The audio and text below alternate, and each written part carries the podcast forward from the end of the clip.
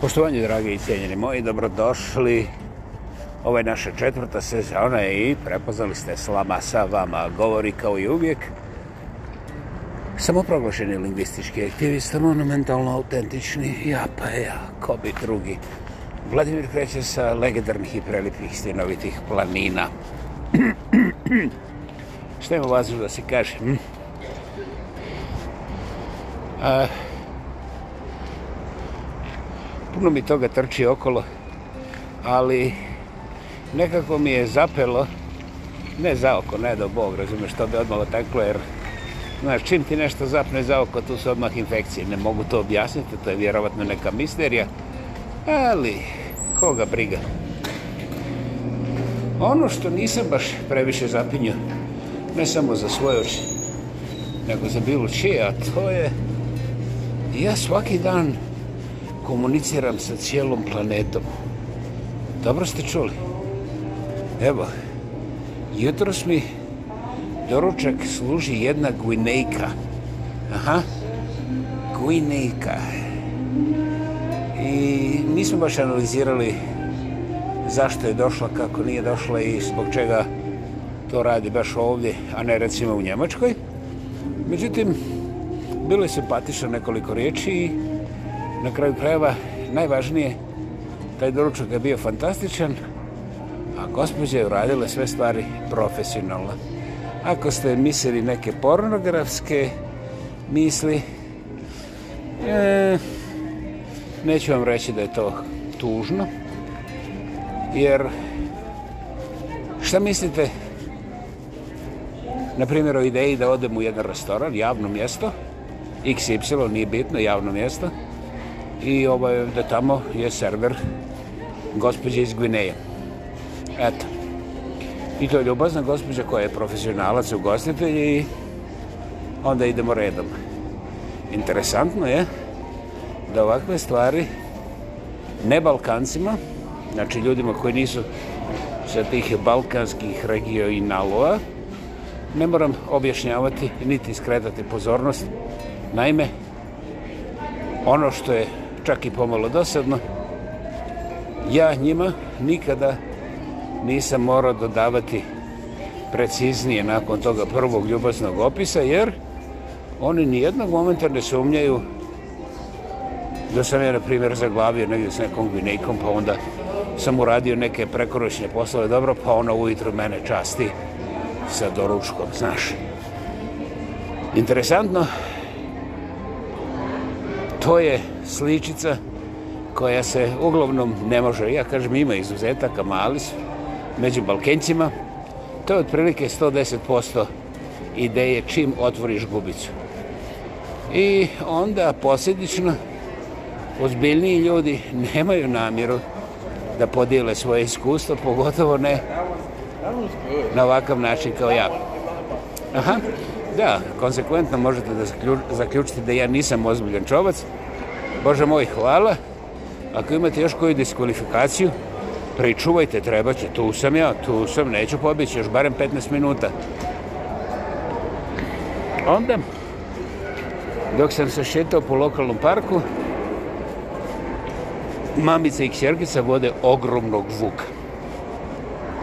Dobro, da li je vuk ili dinosaur, ne znam, ali od mene je veći od prilike koliko i ruski tenk od kineskog bicikla. Strašan čuko, nevjerojatan čuko. Nisam se nimalo preplašio, obradovao sam se kad sam vidio kako se oni šetaju. I eto, onako, na brzinu izmenimo par riječi. Oni su bili presretni što ja volim njihovog čuku, što nisam odmah počeo zvati policiju da štitim svoje zdravstvene interese. I meni je sve to godilo mama i čerka su holandežanke i ovdje žive jedva tri godine. Zanimljivo. Možda nije. Meni simpatično barem. Onda, dok sam se vraćao sa kraja parka, sretnim nekog dedicu, razumiješ i dedica mi objasni, ne, ne. Ovdje dedice ne objašnjavaju Solunski front, ne znam šta im je, mislim još nisam jednog jedinog sreo, koji se bavi s tom temom. Ovaj meni kaže, pa ti si mladić. Jer ja sam izgledao ovako malo žustrije i ne znam, šešir mi je sakrio ćelu, znači ne vidi se da sam ćelov. Stojim uspravno, još nemam štap. I on nije mogao da procenje da sam ja uskoro stogodišnjak i kaže, pa, pa vi to kao mladić. I ja kažem, gospodin, za ovakve riječi ja moram odmah pozvati piće šta pijete. Kaže on meni samo kefir. Kefir, kefir. To je rekao, tako je zvučalo. Ja kažem, pa nemojte, mislim, ja sam mislio da ćemo popiti barem ovaj, recimo, margaritu. Kaže on, no, ne treba mi toliko šećera, jer ja već imam previše u krvi, a sve ostalo je bez veze. Meni je drago vidjeti mladiće kao ti, da su veseli, šetaju okolo, pa čak i kad su solo. Kaže, evo ja sam pušio 150 godina, prestao sam pušiti, do prošle godine nisam mogao, ni htio izaći iz kuće, sad mogu izaći evo 100-200 metara, prošetam, pa se onda vratim u auto, eno gore na parkingu. I ispričam mi čiči sam tako kako je pušio, šta je znam koliko decenija, kako je bio prikovan za krevet i onda je odlučio da prekine. I kaže, nije vjerovo da će mu to donijeti ikakvog dobro sa prekidanjem, jer onako je odlučio da crkne. Međutim, ispostavilo se kaže on na njegovu veliku sreću i zadovoljstvo da je bio 100% u krivu a onda njegova supruga je dugogodišnja, oni su onaj klasični brašni par, jeli? Oni nisu moderni. Njegova supruga je počela svako jutro sada da mu sprema poseban doručak samo za njega kao starog, dobrog nepušača. I on mi tako govori sa velikim zanosom Tako da sam ja zaboravio njemu objasniti da ja ipak nisam mladić i ja sam star kad je tu vrlo blizu sa njim, ali izgleda da sam popušio manje jer nisam se ugasio, nisam se još smežuro, znaš. Vjerovatno sam i ja nešto u životu učinio kako Bog zapovjeda, pa eto, to je bilo to. I ovaj, ne znam kako smo ušli u taj dijalog, ali Čiča je meni ličio na Amerikance, međutim, nema veze sa Amerikancem. On je došao ovdje ravno sa Kapčatke. Jeste, dobro ste čuli. Sa Kamčatke je došao 57. ili 58. godine. I tu je ostao. Pomalo čudna priča, ali ja nisam bio zainteresiran čuti detalje. I onda je bilo vrijeme već za moj ručak. A tada, sad imamo šir, široku lepezu, pa ja onda kažem, možemo preskočiti listanje tih nacija, jer na svakom koraku srećem sljedeću nacionalnost okolo svijeta. I to je realnost svakog moga dana u Hrabogradu. Kao što ste vidjeli, ja nisam govorio dobro, ja nisam govorio loše, ali sam govorio da je šarenolikost onako baš iz temelje šarenolika i da je ovaj, da je teško stresti dvojicu, trojicu istorodnih naš na jednom potezu koji god odlučite u gradu. Opet, ja ne govorim ni loše ni dobro, ja kažem tako je svaki dan u Hrabogradu. Ja ne znam gdje vi živite, ali ne trebam malo bolje pogledavati da bih osjetio kako se prema strancima, znači ne Balkancima, odnosi balkanski svijet.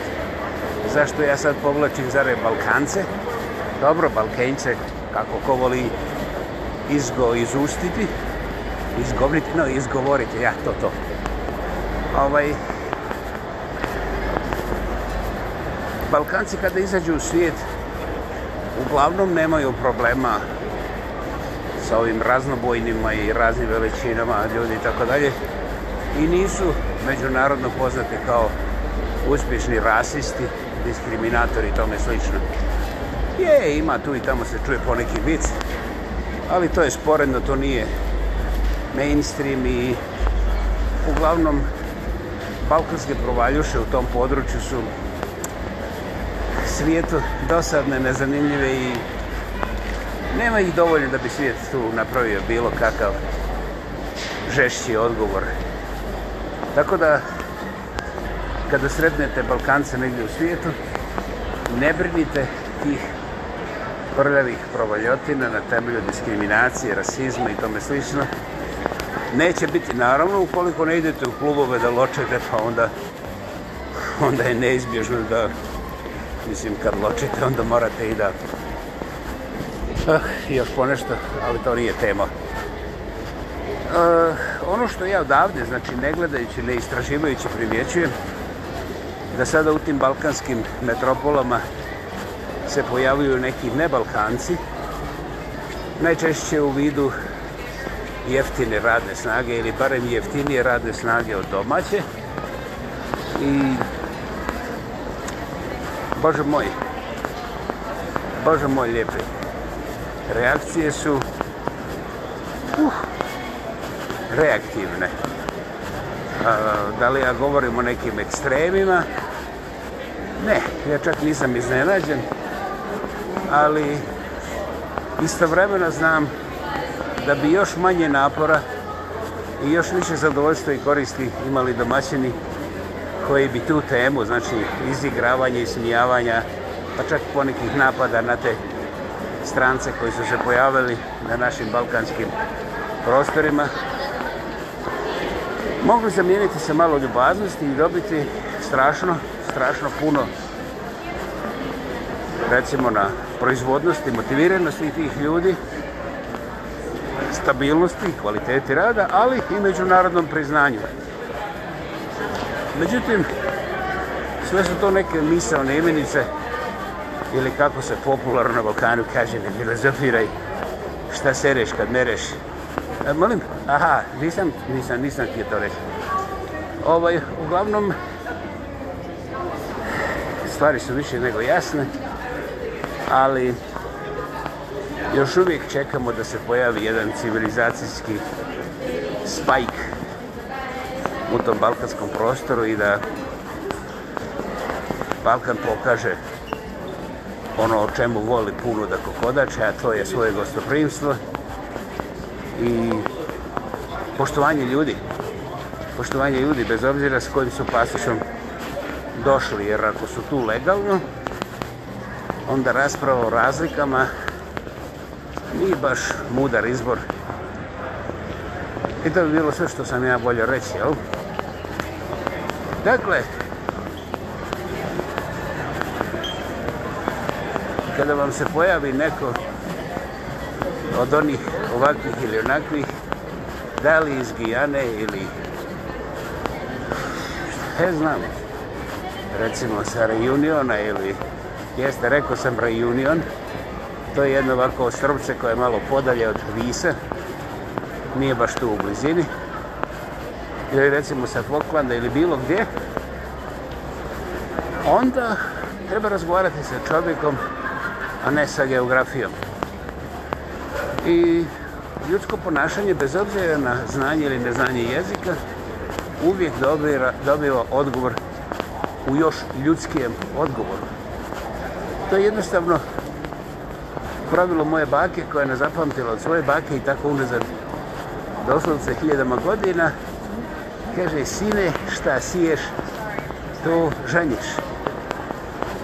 Zaključak je baš. Dakle, 66. put u svojoj četvrtoj sezoni bila je ovo internacionalna slama sa vama. Govorio je kao i uvijek, samoproglašeni lingvista, monumentalno autentični, Ja pa ja, ko bi drugi, Vladimir Kređa sa legendarnih i prelijepih stenovitih planina.